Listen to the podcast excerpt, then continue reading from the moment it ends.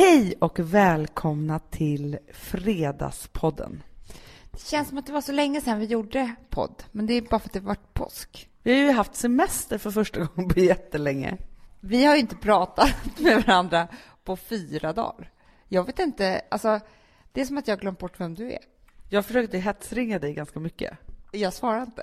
Nej, men jag vet. Så jag tänkte bara så här, nej, hon vill inte ha någon kontakt med mig nu under sin semester. Hon har semester från mig, tänkte jag. Nej, men ska jag säga vad som var så... Jag blev ju så rädd. Jag fick ett samtal av Mikaela precis innan jag åkte iväg som bara sa så här, har det så härligt nu, men du var lite försiktig med telefonen för att Dubai tre dagar för dig förra gången, 11 000 kronor. Ja, men jag vet. Men jag trodde Mikaela hade sagt det här till dig innan, men hon har väl inte vågat göra det? Nej, och hon stammade fram det här. Och jag blev så rädd i min tur så att jag packade inte ens upp mobilen.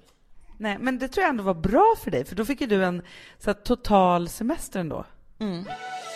En snitt av någonting, spelar ingen roll vad det är, kan aldrig bli fetma. Det är det, vi gråter inte för att vi är svaga, utan för att vi gråter för att vi har varit starka så länge. Gud, jag blev så gråtfärdig. Jag blev träffad rakt i hjärtat faktiskt. Det kan inte vara så att alla ska bedöma varenda gram som man går upp eller ner eller hur man ser ut eller vad man passar i för kläder. Alltså jag är snart 40 år, Amanda. Vi har ju en ny, ett nytt samarbete med podden. Ja, jag vill höra allt om det. Ja, det är så härligt. Och jag känner mig också lite stolt för att det känns som att vi blir tagna på väldigt stort allvar eftersom vi nu har ett samarbete med en bank. Det på riktigt trodde jag aldrig skulle hända för att alltså, jag har aldrig känt mig värdig på något sätt. Alltså förstår du, nu känner jag mig, jag känner att jag har kommit långt i livet. Ja, men det är det. Vi är ju liksom nära Donald Trump, känner jag. Nej, men det är faktiskt en underbar grej också som vi ska göra, som jag ska berätta för dig nu. Så här är det, vi ska samarbeta med dem runt något som de kallar för Drömfångaren. Det är vi. Ja, vi älskar att drömma. Och det här handlar ju om vad man drömmer om att, alltså som man skulle spara till, det här som kostar lite extra, som man jättegärna vill ha, handlar det här om. Det är väldigt mycket för mig. Kan du ge exempel på någonting? Vilken prisklass pratar vi om? Men jag tänkte på, för jag tänkte så här, okej, vad är det jag drömmer om just nu som jag verkligen önskade att jag hade ett sparkonto att bara ösa ur just nu, vilket jag inte har. Och det som är min högsta dröm, det, som det är varje vår, det är ju att jag bara ska kunna ringa nu något så här snickeribolag och säga så här, var god och bygg den där fantastiska altanen som jag vill ha på Gotland. Ah, Nej. Men okej, ja men det finns ganska mycket då. Men, men jag vill ju, jo men jag vill renovera ladan på Gotland.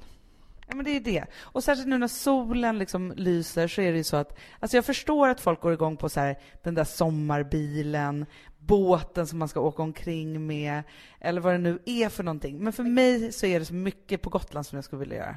Kan det vara en handväska också? Det kan det vara. Det är det jag menar. Men allt det där som kostar lite extra som man bara inte kan bara så gå och köpa. Mm.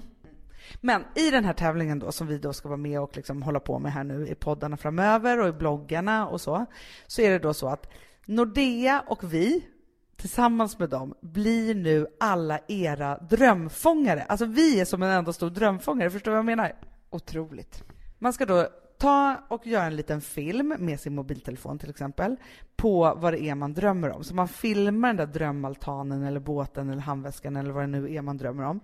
Och sen så kan man då gå in på Nordeas Facebook-sida eller så går man in på nordea.se så hittar man den här tävlingen här. Och de som då vinner, vilket är två stycken varje vecka, de får ett dubblat månadssparande, Amanda. Sluta. Nej, så att om du sparar 2000 kronor till exempel i månaden, då dubblar Nordea det under ett år. Men okej, men då kommer jag börja spara helt sjukt mycket den här två månaderna. För att om man är med i tävlingen, då måste man ju liksom, alltså förstår du, öka chanserna här. Precis, men framför allt så är det så, det finns ju ett litet tak, så att det är inte så här, ja, jag, sp jag sparar en miljon och du ska få två miljoner. Det är inte så det går till riktigt. Men om man har då ett vanligt humant sparande, ungefär som folks sparande ser ut, inte vårt då, för vi sparar ju absolut ingenting. Men det är dags för oss att börja nu. Men om du då puttar in en tusenlapp och så skickar du in din dröm, då kan du ha chansen. Men jag pratade faktiskt om det här med sparande med en vän faktiskt på semestern som sa en, en väldigt bra grej. Det är att man ska spara så mycket så att man gör det möjligt att ta risker. Ta risker i livet liksom. Man trivs inte på sitt jobb, man vågar säga upp sig eller man vågar så här, eh, flytta eller allt det där som är liksom innebär en liten risk men också en möjlighet till saker och ting. Det kan man göra om man har sparat lite pengar.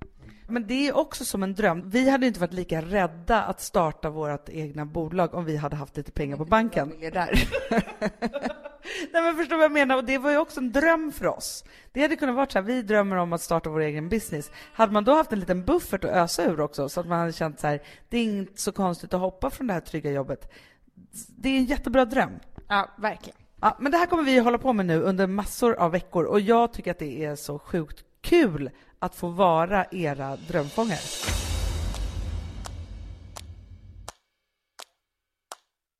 Men du, hur hade ni det? Åh, oh, Hanna. Alltså vet du, jag hade det så bra, men jag har börjat förstå en sak. Jag känner mig hemma i de här länderna. Alltså... Vilka länder är det du pratar om i de här länderna? de varma. Jaha, det är de, eh, de europeiska länderna. Ja, förra gången var jag i Dubai. Men, men alltså, ja, men jag känner mycket mer hemma i Europa. Men det är någonting med värmen, och så är det för alla, det är inga konstigheter. Men det här med att jag, alltså jag känner lust på ett helt annat sätt som är fantastiskt. Men sen så är jag, alltså jag tycker det är rätt skönt att komma hem också, bara ta kontrollen över livet. Men att så få bara liksom flyga iväg i lustlandet några dagar, det är helt otroligt tycker jag. Ja, men det är det. Är lite som en dröm. Och det, det gick så jävla bra med outfits. Nej! Jag hade otroliga outfits. Men alltså, för jag har ju varit i fjällen, så vi måste ju prata om det här sen. Men jag har ju inte alls kunnat haft, liksom, gå på sommaroutfitsen än. Nej, det förstår jag. I fjällen. Fast jag var ändå jäkligt cool i skidbacken, det måste jag säga. Vad körde du för stil då? Köpte ny hjälm och så. Hjälm? Men Amanda, du vet inte hur det är. Att inte ha hjälm i skidbacken i Sverige nu för tiden, då är det som att man är så här, jaha, du åker i jeans typ. Ja, men det var det som hände mig. Fast det var ju många år sedan, när jag var i Verbier tror jag, och åkte ut. Och så jag bara förstod att det är liksom inte, man åker med hjälm nu. Ja, man har inte mössa, för jag tänkte så ska jag köpa en ny mössa, tänkte jag.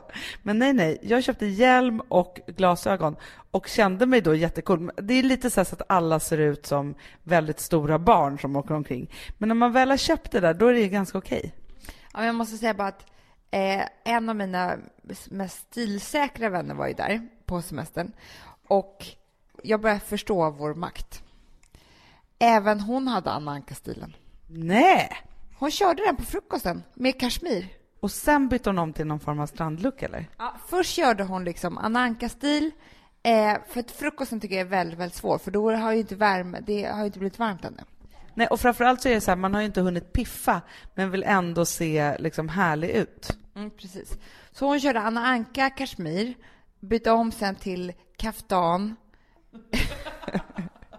diamanterna till lunchen, Sen ytterligare en stil, kanske eftermiddag och sen en ny på kvällen. Men alltså jag körde, jag, ja, men jag, jag, jag kände mig, det var första dagen så var det lite, jag kände mig inte alls hemma. Jag satte på mig något jättekonstigt. Men ska jag säga vad som, som var ganska hem, hemskt, Hanna? Att jag träffade en svensk där på hotellet. Som bara sa ja men jag har ju läst i din blogg att du skulle öva på din eh, outfit och sådär. Jag tycker att du har klarat det bra. Du har ganska fina kläder på dig. Och då kände jag mig så dum. Förstår du? Det var som att jag blev bedömd på plats. Men du, men jag förstår precis, och det här känner jag också att vi måste prata om, för att jag har ju nu kört min otroliga träning. Mm. Och jag älskar ju alla som är så superpeppande och liksom skriver helt fantastiska saker och så. Sen är det alltid vissa som inte skriver lika fantastiska saker, men de kan jag skita i. Men vet du hur det har blivit som jag är lite, lite bekymrad över? Det är att så fort jag lägger ut en bild på mig själv så är det som att alla då måste säga någonting om hur jag ser ut. Ja, men precis. Jag förstår precis det. Så att jag var nästan så här, i morse kände jag, när jag liksom gick in på bloggen så hade jag fått lite, för jag hade lagt upp någon dagens kläder och så vidare, så det stod så här, ja vad snygg det är, man ser verkligen att du har tränat och så, så här, och det är jättehärligt. Men då kände jag så här, nej, nu måste jag kanske skriva ett inlägg och säga så här, tack, jag älskar alla som har kommenterat, men nu måste vi koncentrera oss på insidan ett tag.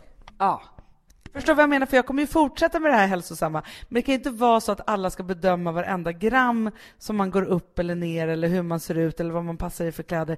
Alltså jag är snart 40 år, Amanda. Nej, men det var ju som på det här hotellet. Så fort jag såg den här kvinnan så såg jag ju, hon tittade på mig och bara, vad har hon tagit på sig nu då? Alltså för att det blev ju som att jag hade ju liksom jag hade ju blottat mig att nu ska jag göra mitt allra yttersta för att se snygg ut. Så det var ju någon gång jag vet att hon såg mig som jag, jag tänkte så oj, det där, nu, nu, nu har hon tänkt fel.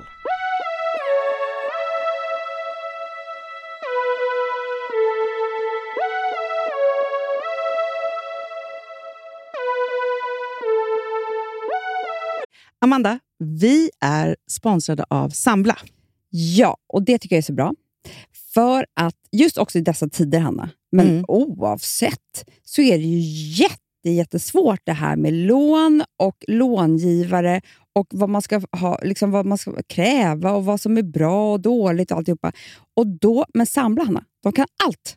Ja, Alltså, Alltså, allt om det här. Sambla är en personlig jämförelsetjänst för lån och de alltså, jämför upp till 40 långivare, vilket hade tagit otroligt lång tid och jättemycket energi om man skulle göra det här själv. Mm. Och De hjälper ju dig som kund liksom, att jämföra dina långivare. Ja, men det är precis det de gör.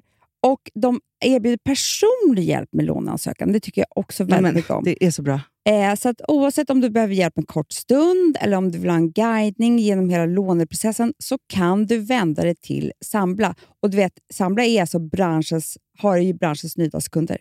Fem stjärnor och 24 000 omdömen på Trustpilot. Då har man gjort ett bra jobb kan man säga. Mm.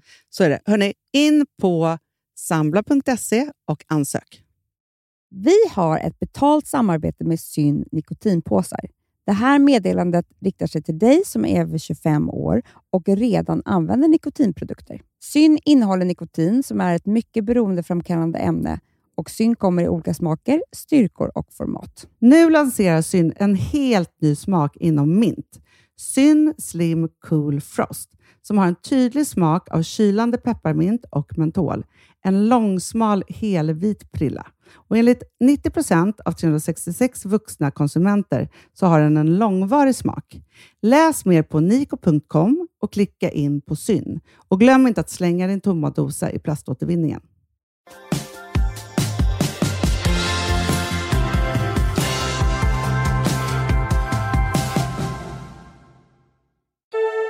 Apropå att jag har ju varit på semester och åkt, transporterat mig till massa olika ställen.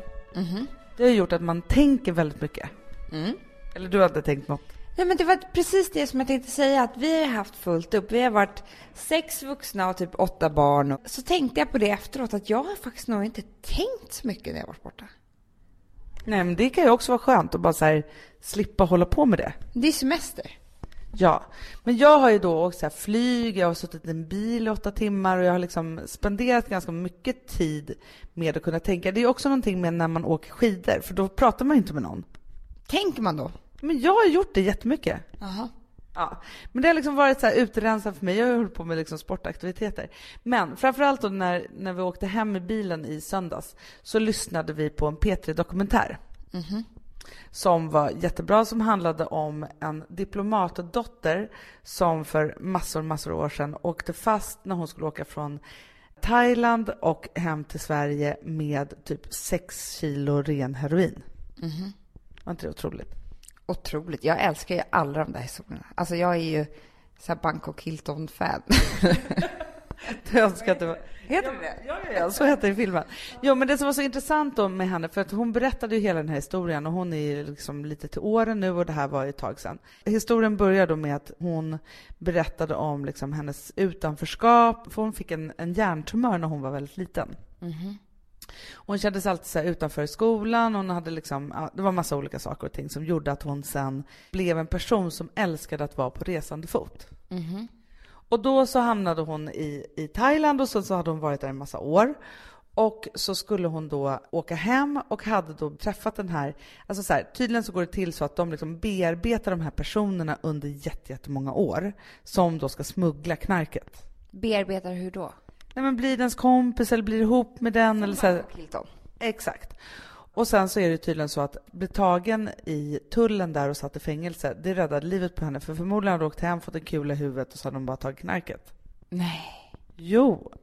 Så det är inte så så att liksom sen hämtas knarket och hon får en miljon och sen så hon happy clap och går vidare. Det är inte så det går till. Nej. Nej, det är helt stenhårt. Men i alla fall. Det som jag blev så himla berörd av i den här historien, det var ju det att hon först då Hon hamnade då i, i fängelse i Thailand och där satt hon liksom som i burar, alltså flera hundra personer. Ja, gud. Och det här var liksom första året, tog typ tio månader innan hon liksom fick sin dom. Och det som var det bästa för henne var ju att hon fick inte livstid utan hon fick 50 år. Men 50 år? Mm, men det innebär tydligen då att om man får 50 år så kan man efter ett par år få bli förflyttad till Sverige. Aha, så hon sitter i fängelse i Sverige nu?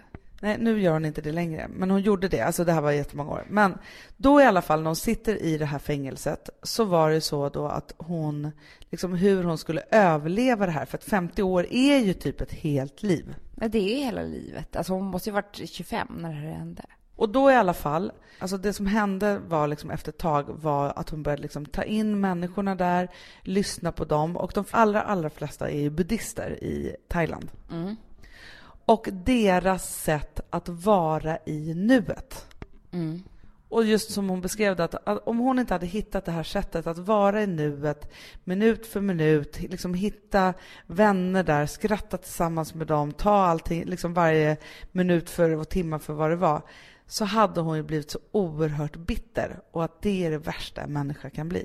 Bitterhet klär ju ingen.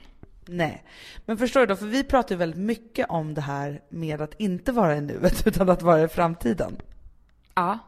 För du tycker inte om det. Fast Hanna, du måste förstå att det är skillnad här. Det är klart att sitter du i ett fängelse, då måste du ju minimera drömmar och mål. För att de finns ju inte. Då måste du ju bara leva i nuet. Så jag tycker liksom att det är klart att det var bra för henne, men det är skillnad för oss.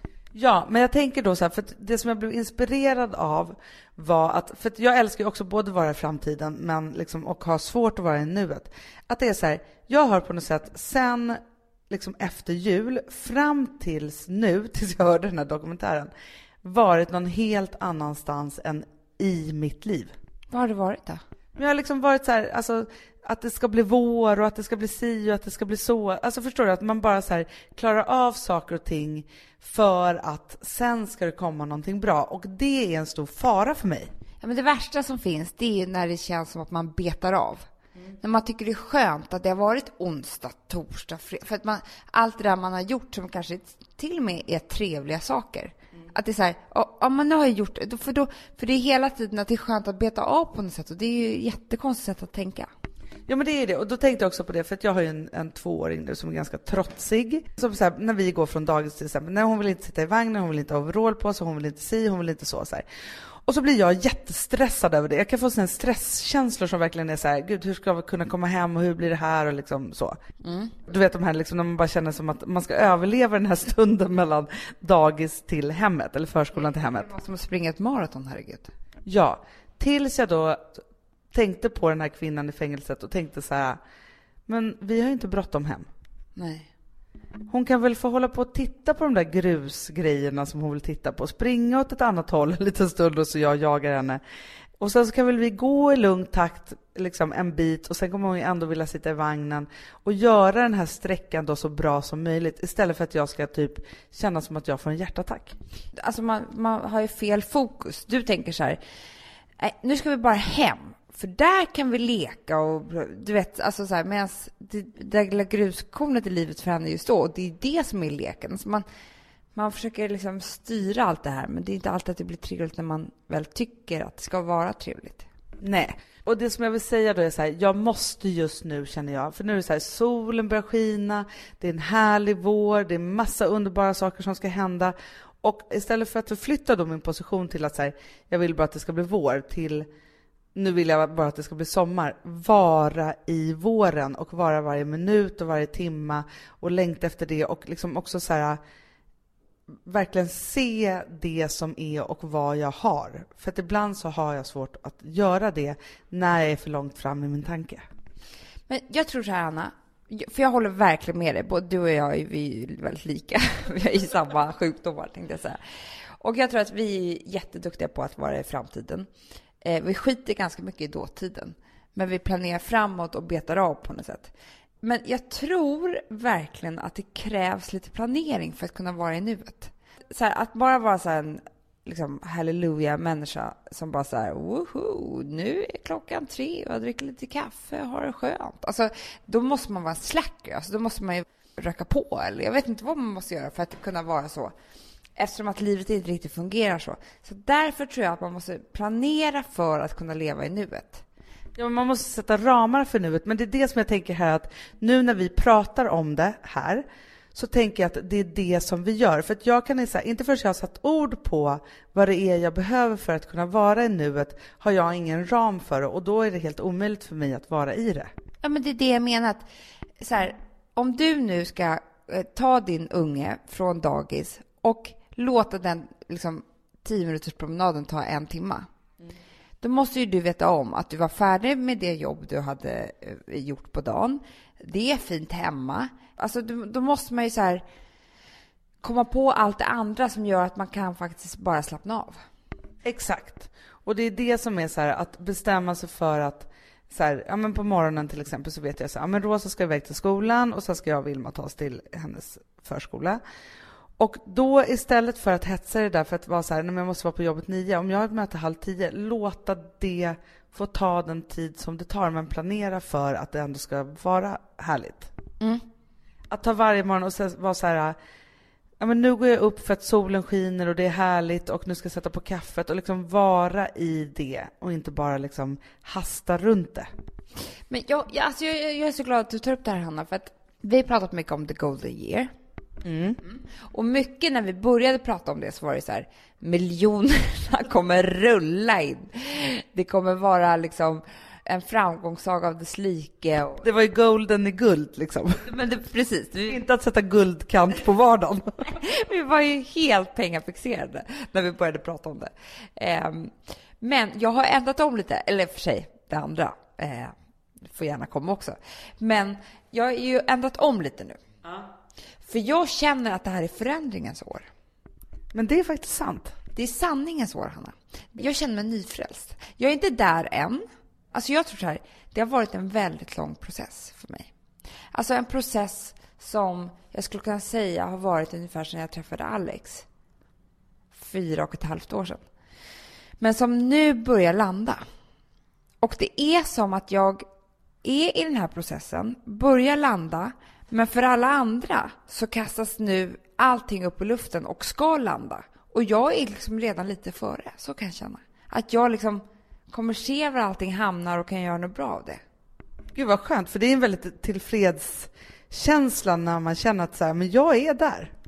Ja, men, och det kommer mer och mer saker som gör att jag så här, för att jag, jag måste hela tiden påminna mig om vad det är jag ska göra, för jag kan det inte ännu. Det är inte så att jag har, jag har inte manualen för hur det här ska gå till. Men jag, jag märker att det kommer olika saker till mig som jag känner så här, men gud, där ska jag anamma, det där ska jag ta till mig. Och, det där. och jag måste bara säga en sak, Hanna, som jag fick höra nu på semestern, som jag blev så glad för. För jag vet att det är många hyppisar där ute som lyssnar på mig. Alltså, hypokondriker? Mina hypokondrikervänner. Mm. Du vet att jag alltid vill ligga i en magnetröntgen. Det är ju min dröm. Att bara så här, gå och lägga mig i magnetröntgen en gång i veckan och så bara kollar vi allting. Då skulle jag kunna leva mitt liv. Men så kan ju ingen leva sitt liv. För det första skulle jag ju få cancer av att ligga i magnetröntgen. Ja, eh, och då fick jag höra om en person som, bara, som är en av de härligaste människorna jag känner. Storrökandes. Alltså vi snackar två paket cigg om dagen. Dricker som fan. Lever ett rätt ohälsosamt liv. Äter precis vad han vill. Men tycker att livet är toppen. Liksom. Mm. Har många barn. Alltså fantastisk människa han var nu så här, nej men nu ska jag, jag ska göra den här. Alltså, för det finns ju, de har ju verkligen, alltså nu kan man göra jätteotroliga grejer med att röntga sig och kolla allting.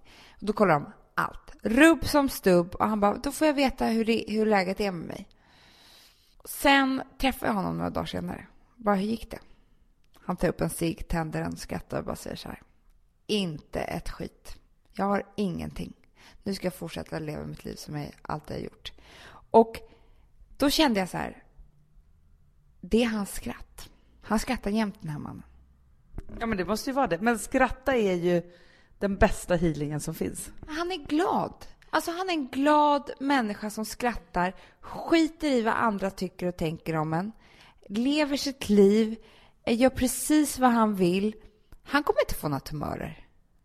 Nej, för han går ju förmodligen inte och bär på massa saker och ting som håller på att alstras i kroppen. Har du läst den här Andens anatomi? Har du läst den? Nej. Det var en bok som kom för ett par år sedan som bara handlar om så här självläkanden och liksom sådana saker.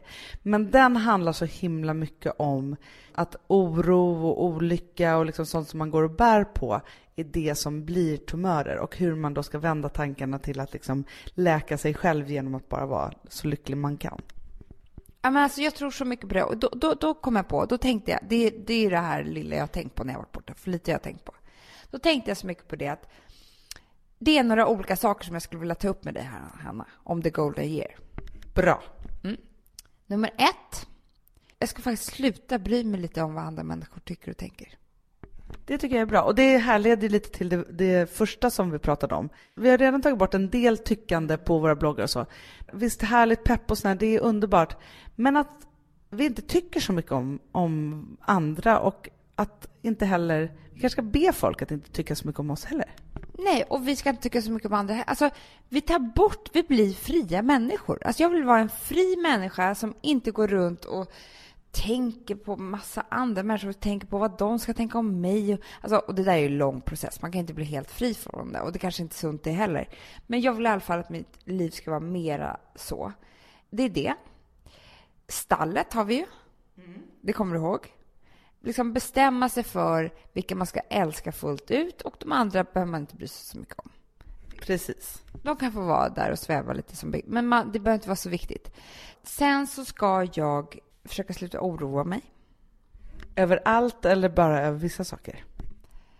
Nej, men överallt. Alltså jag tror att... Eh, nej, men det är klart, alltså, om ni får tänka att allt det här, man kan ju aldrig bli fri från allt. Så är det ju. Det ska man nog inte bli heller. Men jag ska inte oroa mig så mycket. Alltså, speciellt inte över oviktiga saker. För det är det. Alltså, oroa sig över viktiga saker, det måste man ju göra.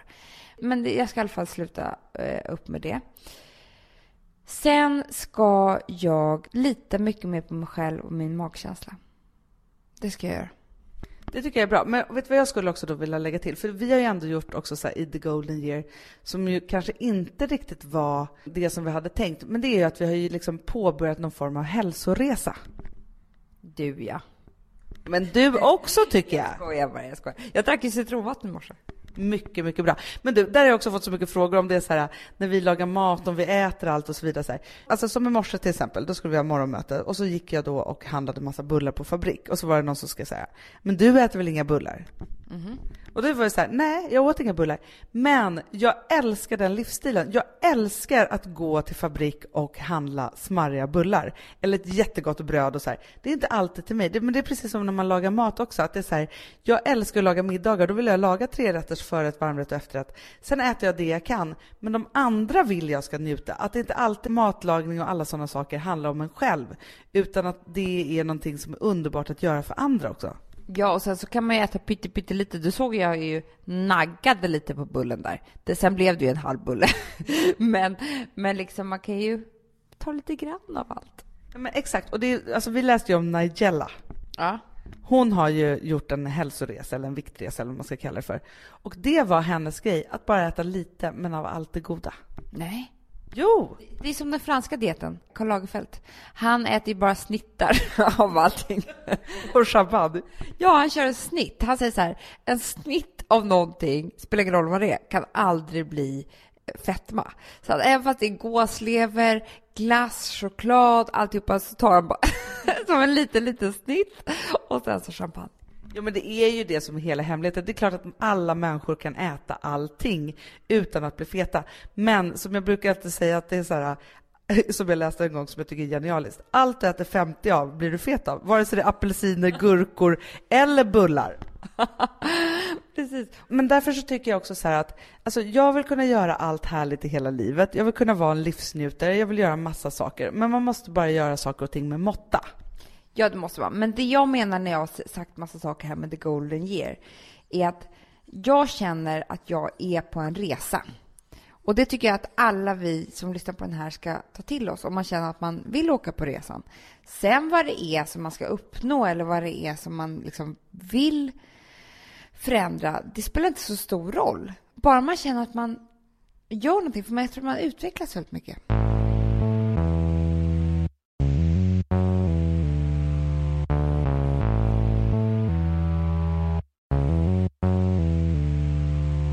Woof!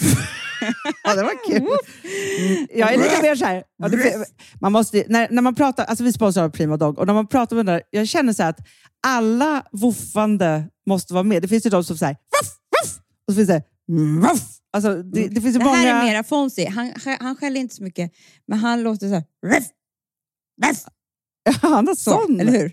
Så, ja, det har han faktiskt.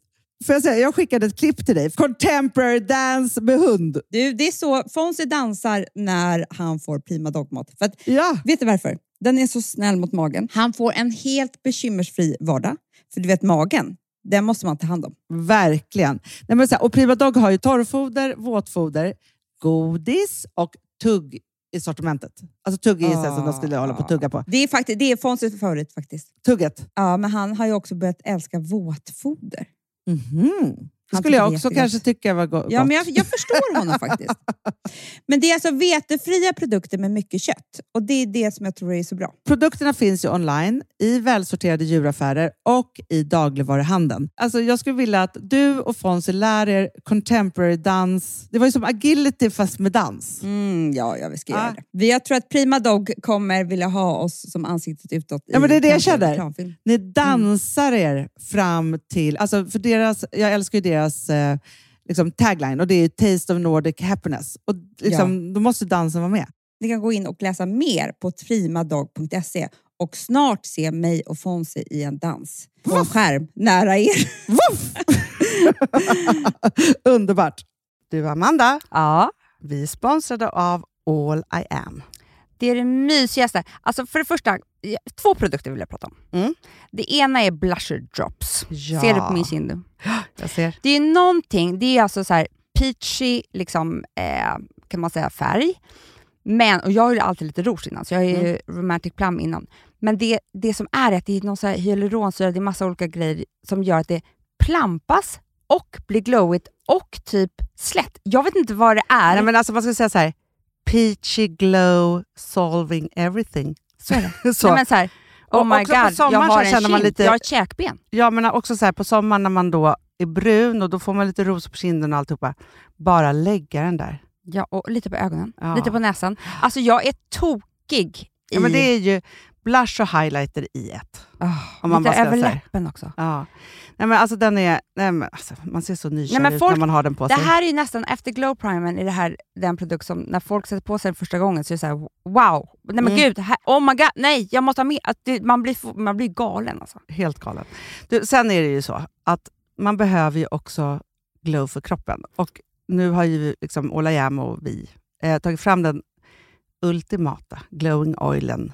Alltså Nej men, nej men snälla, dels så doftar den så gott, Mm. den är eh, massa fukt i, men den kladdar inte. För det är det med olja annars, det är så här, hur ska jag kunna sätta på en kläder efteråt? Eh, och så är det ett litet, litet, litet skimmer som nu alla ben och armar och dekolletage behöver, för vi, inte, vi har inte den här sommarbrännan än. Men även när man har brännan behöver man ju det. Men alltså, nu känns det så tryggt. Ja, men när man har sommarbrännan, då blir det så snyggt så att det inte är klokt. Och till man har sommarbrännan, då kan man liksom fuska sig snygg. Verkligen. Så. Och när ni ändå, för nu har ni en kod och det är Fredagspodden 20 som ger 20% på ett helt köp på H&M. Och då skulle jag säga en grej till. Ta hem också dagkrämen med SPF 30. Mm. Finns ingen bättre dagkräm och ni måste ha SPF nu.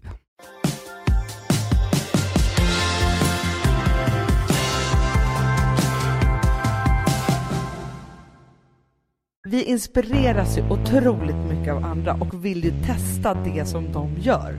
Anna, jag måste säga att för mig så har det blivit som en sjuk grej. Alltså på Instagram, det har nästan blivit obehagligt kan jag säga. För att nu har det blivit så att det är speciellt en människa som jag har börjat följa som heter Derek Blasberg. Vet du om det är? Nej, med det. Han är helt otrolig. Han är någon it-guy i New York som, som är liksom redaktör för Harper's Bazaar, skriver alla bäst klädda, har skrivit någon bok eh, om liksom fashion. Han sitter på alla front rows. Han är inte bög alltså, utan han är liksom Han är bara en otrolig tidningskille. Ja, precis. Och känner, är kompis med alla sådär. Han är alltid på någon fest eh, på Instagram med några otroliga människor. Och det är liksom alltid såna här, ja men du vet, systrarna Jaggers och det, du kan ju tänka dig alla. Ja, men alltså, jag måste ju börja följa honom direkt. Du kommer dö, för det som händer mig då, det blir nästan som en Alltså på morgonen när jag vaknar så tänker jag så här, vem fan är det här? För då får jag upp en massa bilder. Då är det att det varje kväll har hänt samma sak. Jag har gått in på alla som han följer och är på fest på och börjar följa. Alltså jag börjar följa typ så 20 nya per kväll och sen glömmer jag bort vilka de är. Men jag tycker att de ser så inspirerande ut. Men det är det som är så roligt med Instagram, att det är så här, för jag går ju också in på olika människor och sen så är det någon som den följer och så måste jag titta på den och så lägger jag liksom pussel i min egen hjärna och så. Men nu har jag ju då blivit besatt av en som heter Yoga Girl. Är det hon du dricker citronvatten och allting? Amanda, hon tar bilder på sig själv i yogaställningar jag inte trodde fanns. Värre än jag?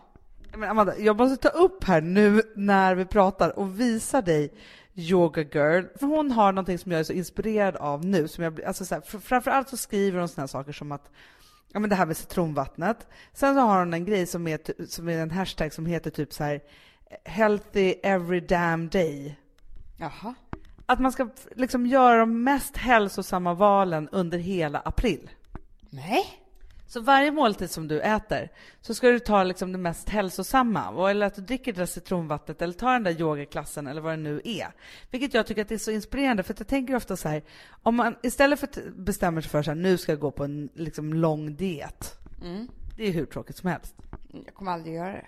Nej, men om du varje måltid tänker så här, hur ska den här måltiden bli så hälsosam som möjligt?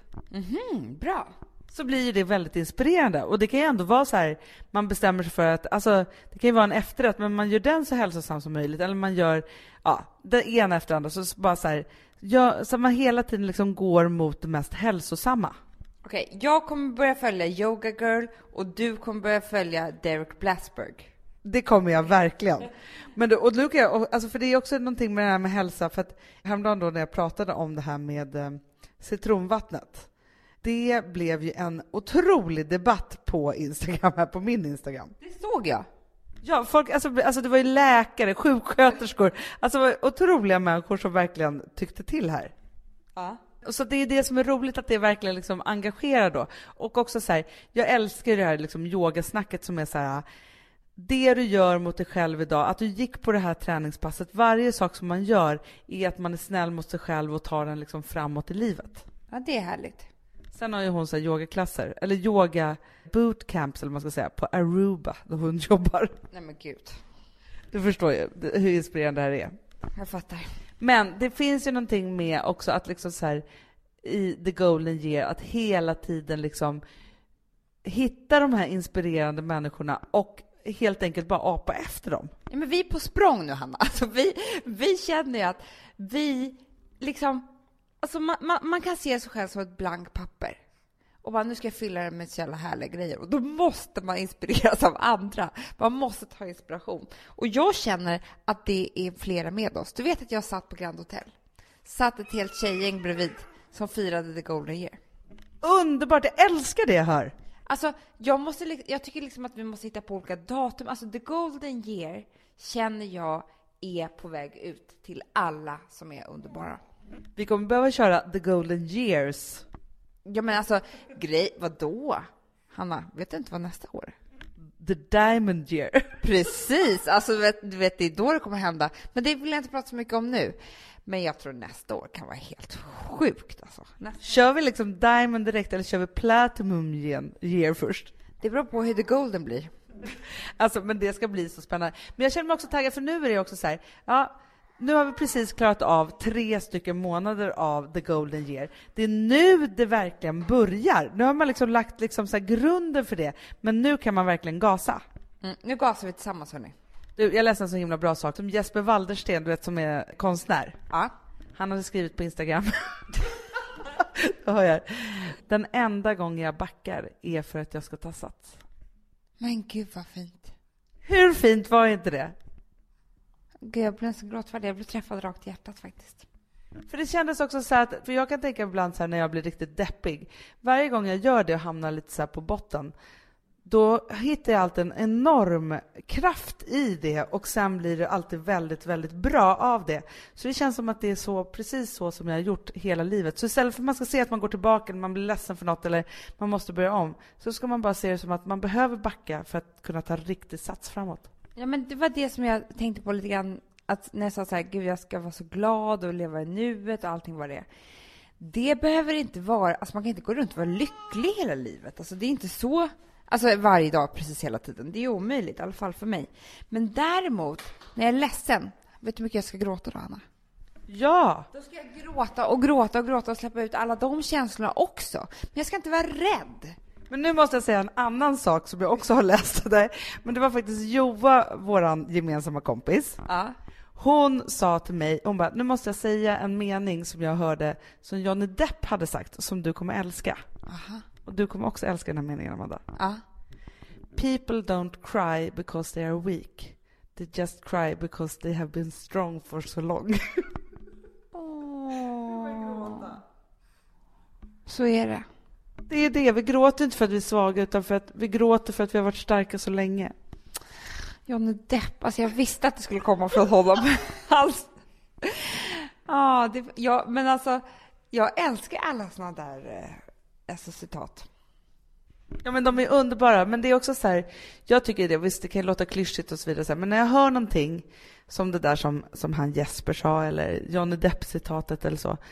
Det är som att ha en liten skatt som man har med sig som man kan liksom också plocka fram varje gång som man känner att det är lite skakigt eller så. Och man älskar ju att gråta. Men det är det bästa jag vet. Det är en av mina absoluta favoritsysslor. Jag grät så mycket igår när jag skulle åka ifrån. Från Spanien? Varför då? Eh, Avsked och det har varit så mysigt och då grät jag så mycket. Då började alla gråta. Alla barnen grät, alla vuxna grät. Alltså det var en helt otroligt avsked. Men alltså, så du grät så mycket så att alla barnen började gråta? Charlie grät ända, alltså hon grät sex timmar senare, fortfarande. Hon grät och berättade om alla som hade varit så ledsna. För jag tror att hon förstod att det är så här det ska vara när man säger hej då. Hon fick helt plötsligt en insikt om hur det är att ta farväl. Ja. Gud vad härligt. Alltså då måste ni ändå haft en otrolig semester om alla grät så otroligt mycket. ja, men det var så faktiskt. Det är fantastiskt. Men var det också för att ni inte har liksom haft den här typen av häng på ganska länge? Nej, men det är så fint när man blir äldre och barnen och... Det, det, alltså, människor är ju fantastiska. Vi har ju förändrats en del. Och ehm, det finns någonting bara väldigt mysigt med att så här, lära känna ens barn till ens bästa vänner och sådär. Men det är det som är så viktigt för att ofta i den här vardagen så hinner man ju inte riktigt göra det. Eh, men det är när man har barn också som man får, jag, jag får alltid den där känslan, den där filmkänslan av att så här, kalenderbladen fladdrar i vinden och så. För att på barnen så ser man ju att tiden går och att det händer saker. Men vi sa det att vi ska göra den här semestern varje påsk nu, som en tradition, och att vi ska ta ett gruppfoto på barnen. För då ser man ju vilka som har tillkommit och du vet, någon låg i magen nu och hon var så här. Alltså, det är så fint ju när man ser barnen på det sättet. Man vill ju inte se sig själv på gruppfotot för det är ju det är lite tråkigare. Det är bara en rynka till. Eh, men, men barnen är ju något fantastiskt. Ja, men det är ju det. Det är därför det är så viktigt att ta så många kort på barnen hela tiden. Mm, jag vet.